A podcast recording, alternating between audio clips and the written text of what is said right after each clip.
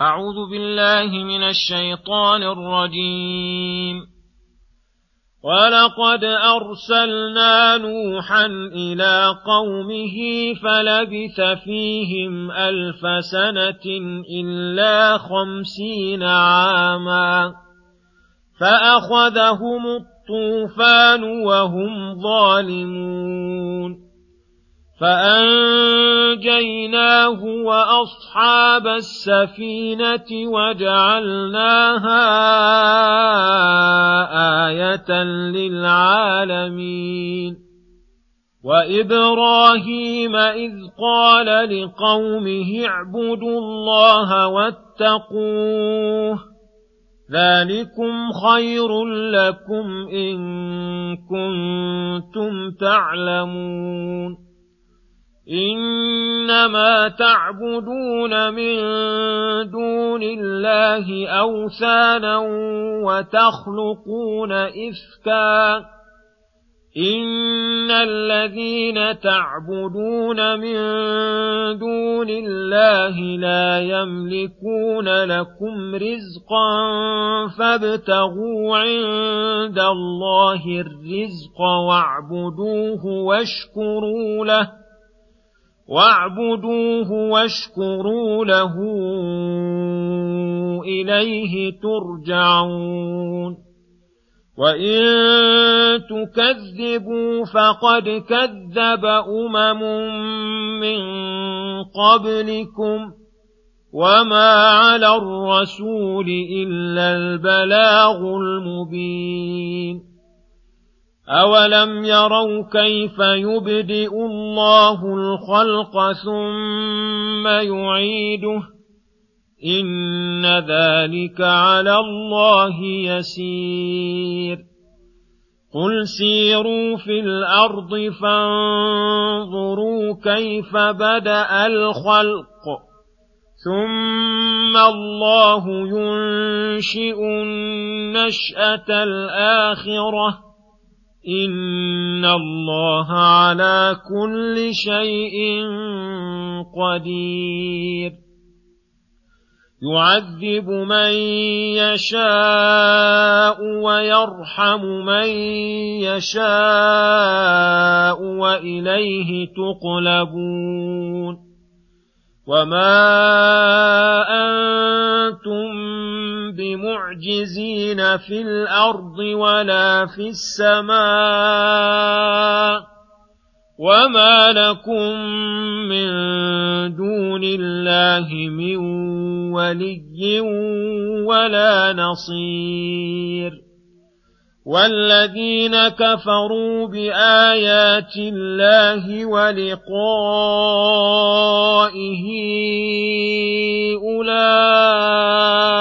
يئسوا من رحمتي وأولئك لهم عذاب أليم. بسم الله الرحمن الرحيم. السلام عليكم ورحمة الله وبركاته. يقول الله سبحانه ولقد أرسلنا نوحا إلى قومه فلبث فيهم ألف سنة إلا خمسين عاما فأخذهم الطوفان وهم ظالمون. يخبر تعالى عن حكمه وحكمته في عقوبات الأمم المكذبة وأن الله أرسل عبده ورسوله نوحا عليه السلام إلى قومه يدعوهم إلى التوحيد وإفراد الله بالعبادة والنهي عن الأنداد والأصنام فلبث فيهم نبيا داعيا ألف سنة إلا خمسين عاما وهو لا يني بدعوتهم ولا يفتر في نصحهم.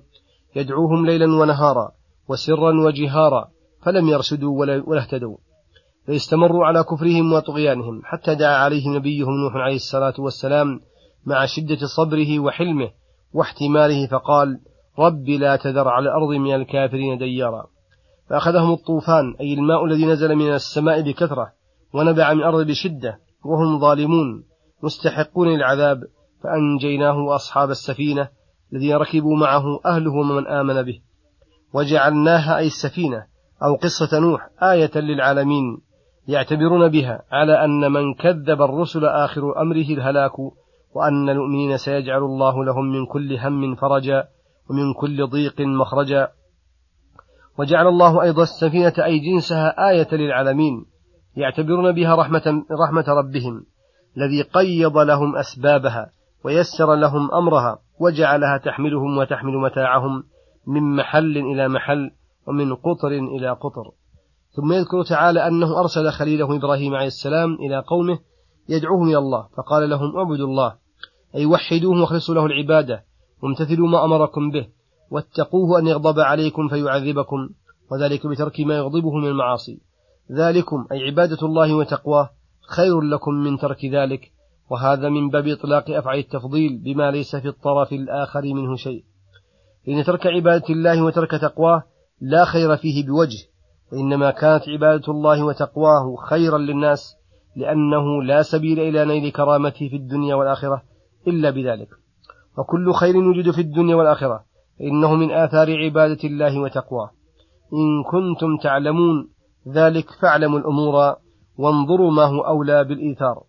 فلما أمرهم بعبادة الله وتقواه نهاهم عن عبادة الأصنام وبين لهم نقصها وعدم استحقاقها للعبودية فقال إنما تعبدون من دون الله أوثانا وتخلقون إفكا.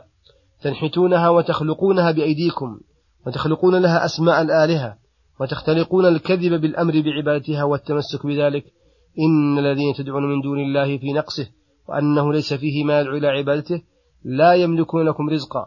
فكأنه قيل قد بان لنا أن هذه الأوثان مخلوقة ناقصة لا تملك نفعا ولا ضرا ولا موتا ولا حياة ولا نشورا وأن من هذا وصفه لا يستحق أدنى أدنى أدنى مثقال مثقال مثقال ذرة من العبادة والتأله.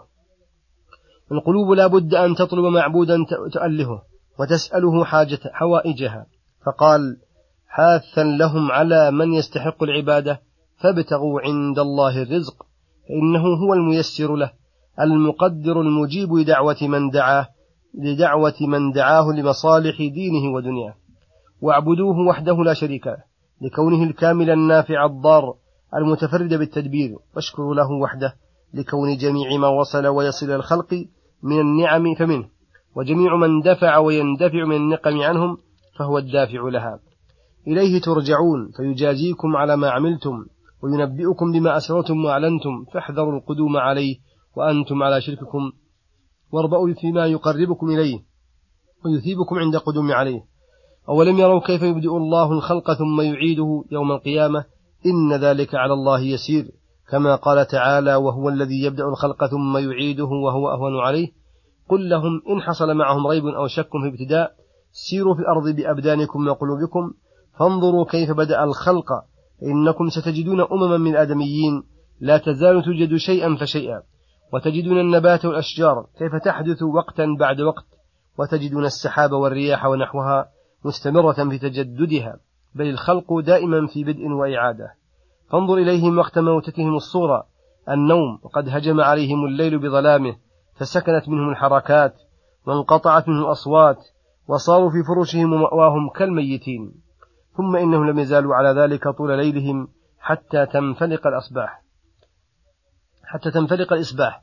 فانتبهوا, فانتبهوا من رقدتهم وبعثوا من موتتهم قائلين الحمد لله الذي أحيانا بعدما أماتنا وإليه النشور. ولهذا قال ثم الله بعد الإعادة ينشئ النشأة الآخرة وهي النشأة لا تقبل موتا ولا نوما وإنما هو الخلود والدوام في إحدى الدارين. إن الله على كل شيء قدير وقدرته تعالى لا يعجزها شيء وكما قدر بها على ابتداء الخلق فقدرته على الإعادة من باب أولى وأحرى. يعذب من يشاء ويرحم من يشاء. أي هو المنفرد بالحكم الجزائي وهو إثابة الطائعين ورحمتهم وتعذيب العاصين والتنكيل بهم وإليه تقلبون أي ترجعون إلى الدار التي بها تجري عليكم أحكام عذابه ورحمته.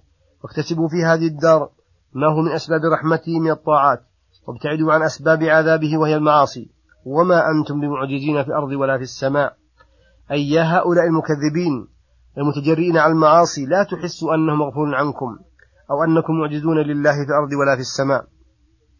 فلا تغرنكم قدرتكم وما زينت لكم أنفسكم وخدعتكم من النجاة من عذاب الله فلستم بمعجزين الله في جميع أقطار العالم. وما لكم من دون الله من ولي يتولاكم فيحصل لكم مصالح دينكم ودنياكم. ولا نصير ينصركم فيدفع عنكم مكاره. ثم يخبر تعالى أن من هم الذين زال عنهم الخير وحصلهم الشر وأنهم الذين كفروا به وبرسله وبما جاءوهم به وكذبوا بلقاء الله فليس عندهم إلا الدنيا فلذلك أقدموا على ما أقدموا عليه من الشرك والمعاصي لأنه ليس في قلوبهم ما يخوفهم من عاقبة ذلك ولهذا قال أولئك يئسوا من رحمتي. أي فلذلك لم يعلموا سببا واحدا يحصلون به الرحمة وإلا فلو طمعوا في رحمته لعملوا لذلك أعمالا. والإياس من رحمة الله من أعظم المحاذير وهو نوعان. إياس الكفار منها وتركهم كل سبب يقربهم منها وإياس العصاة بسبب كثرة جناياتهم. أوحشتهم فملكت قلوبهم فأحدث لها الإياس وأولئك لهم عذاب أليم أي مؤلم موجع. وصلى الله وسلم على نبينا محمد وعلى آله وصحبه أجمعين. وإلى الحلقة القادمة غدا إن شاء الله. والسلام عليكم ورحمة الله وبركاته.